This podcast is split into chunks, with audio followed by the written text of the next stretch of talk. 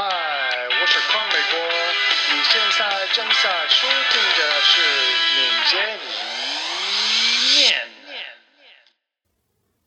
呃，你就是 Lecter 先生吧？？Lecter 博士，叫我 Honeybie 就好了。博士先生，TDD 是如何运作的呢？我们可以尝试使用吗？流程似乎非常简单，和开发者熟悉的传统工作流步骤恰好相反。目前我对这样工作的效果比较关注。此外，我还很关注这种工作流的价值。呃，是的。回到工作流上，你了解这些步骤吗？工作流似乎是第一步，研究产品代码，发现你想变动的地方。没错，正是。第二步，决定具体的设计，考虑是新增方法还是直接修改已有的代码。然后呢？关键的步骤是？是的，Claris。第三步是。哦，Claris。请听我继续说。第三步是很有趣的一步，我们并不是直接变动代码，相反，我们会写出测试代码。没错，为变动代码所写的微测试。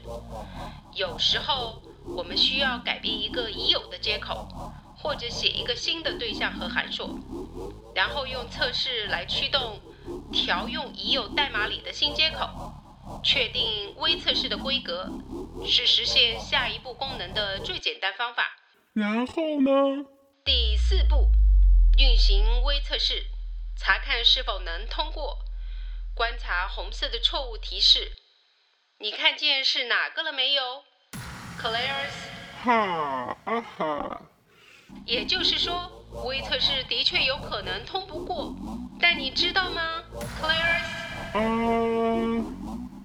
如果所写的微测试百分百会通过的话，就没必要写了。确实如此哦。还有第二个原因，你知道不？在我们添加或是修改了产品代码之后，可以观察测试结果由失败到通过的改变。第三个原因，先写测试，能让你从代码调用者的角度思考。调用代码的人才是新功能的使用者。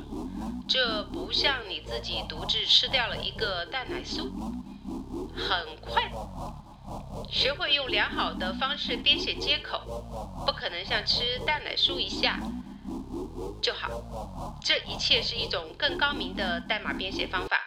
呃，好的，听起来很不错的。我们可以开始了吗？没错，我们把故事分成两部分，一部分要使用 TDD。另一部分不用 TDD，我们用计时器来测量每个组所花费的精力。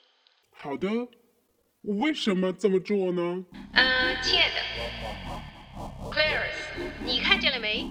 我们必须了解 TDD 的确是能节省开发和测试环节时间的，不然何必使用 TDD 呢？是的，有道理。计时开始，大家行动吧。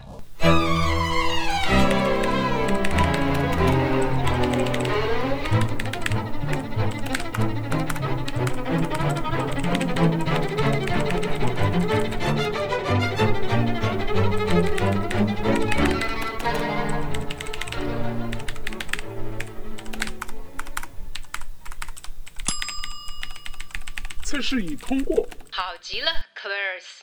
TDD 比我想象的还要有用。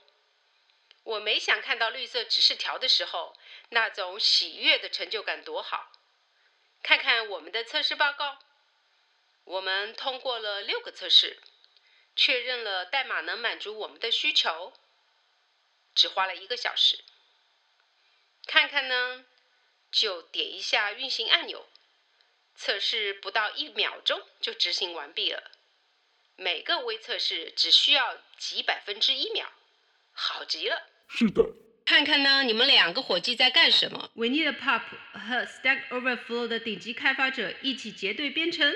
Pop 会成为另一个 X-Man。我都兴奋起来了，嘴巴都有口水了。我能吃掉你的。哇，博士先生，冷静下来。是午饭时间了，先生，我们是不是可以？博士，把尊敬的博士先生带去吃午饭。呃，我没有。好极了，我们一定会有个安静、封闭些的地方，最好可以大声喊叫。我住的离这里不远，我可以带你们三个过去吃午饭吗？当然。呃，好赛和我有事情要忙呢。有吗？我们可以帮你们搞定的。不，我们还需要你们的帮助呢。你需要吗？哦，真遗憾呢。不不，Pop，博士和我会过去的。我稍后再帮你。但是，Clarence，我们出发吧。我得到了非常非常想要的一个短柄棒球，现在只需要一些新鲜的肉食就好了。好的，Pop。什么情况？我们午饭的时段并没有其他安排呢。我不相信那个人。你太偏激了。不管怎样，我们去买个汉堡吧。我饿了。我觉得我们以后见不到 Junior Joe 了。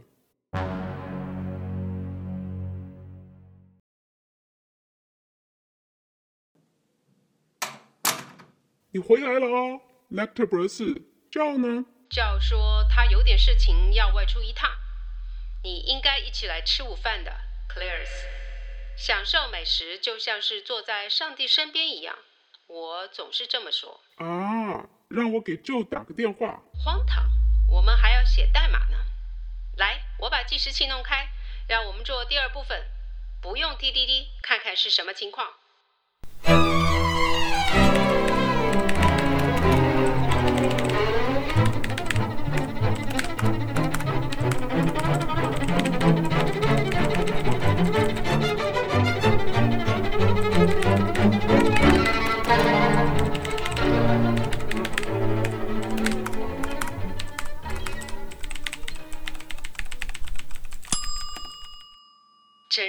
兴奋，不是吗？没错，我们像开发者通常那样写代码，然后调试错误，执行代码，发现并修复问题，花了这么多时间才得到正确的代码，我一点不吃惊。没错，用 TD 的话，我们会觉得好像在做设计工作一样，有些不适应。使用常规的发现错误再解决开发模式，我们会忙着写代码。围着调试器忙活，直到代码能投入使用。我们甚至有一个小的程序来执行我们的代码，多浪费时间呢！全部都是手动操作。我觉得我们的测试都还不够深入。我同意，我们的测试没有记录，全部都没有记录呢，就好像我们从来都没有测试一样。大家都明白了吧？我敢说，Pop。如果时间太紧张，大家可能想完全跳过测试。但是我们用计时器的结果来看，反而节省了百分之十的开发时间。不过，不过没有自动化测试的时候，所以我们的进度反而落后了。的确如此。如果我们调整了功能，我们就不会。那个好吃的绿色进度条告诉我们一切都状况良好。知道全部代码都状态良好很重要，我们就可以很快发布代码了。Vanilla Pop 先生，这非常有学习的价值，我谢谢你了。编写 TDD 的微测试代码所的投入，和它持续不断的回报相比，简直是微不足道。我们随时都可以运行这些测试。而使用测试器运行的手动测试的价值只是一次值。举例来说，我亲爱的 Vanilla，如果我说让我们调整一下还没测试的代码，接着再继续手动测试，你觉得怎么样我担心我会抗议的，这样会花费至少二十分钟，来重做我们在调试器里所做的工作。正确。所有微测试每天都会产出价值，手动测试的价值就如同昙花一现，是一次性的。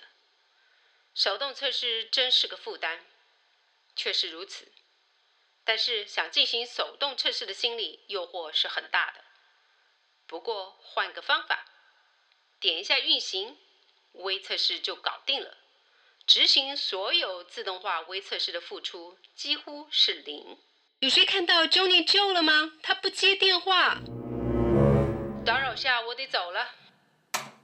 哦天哪，就像我最糟糕的噩梦一样，可怜的 Joe，我就知道不应该让他和那个怪物一起离开的，现在都见不到 Joe 了。你和 Lecter 检查了代码没？当然，为什么这么问呢？连续整合面板报告有微测试未通过。我们在提交前运行了全部的测试。等等，看到这里了没？有人提交了一个有瑕疵的代码。哦，看呐，构建的代码开始另一个测试。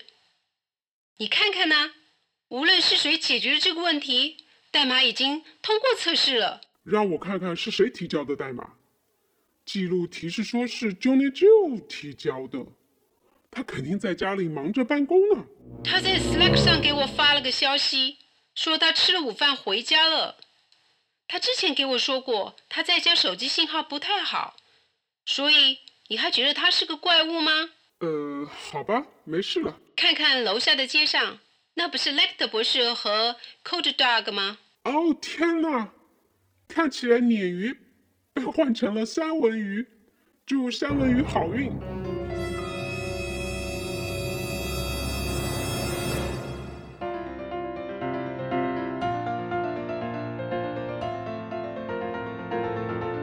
如果你喜欢这段很有戏剧性的 TDD 故事，那么你会喜欢阅读《黑色 Scrum》漫画书。这本漫画让你跟随 ICE 一位高冷的敏捷顾问一起探险，了解 Scrum。如果你不喜欢漫画，那么看看《黑色敏捷书》这本小说吧。它讲述了一个项目经理把已有的瀑布型项目转变为敏捷管理，而是项目获得了生机。漫画和小书书都可以在亚马逊上购买。印度的客户可在 pothi.com 购买黑色敏捷书，而中国的顾客可在我的微店 Lancer Kind 一二三四购买。注释中有这些商品的链接哦。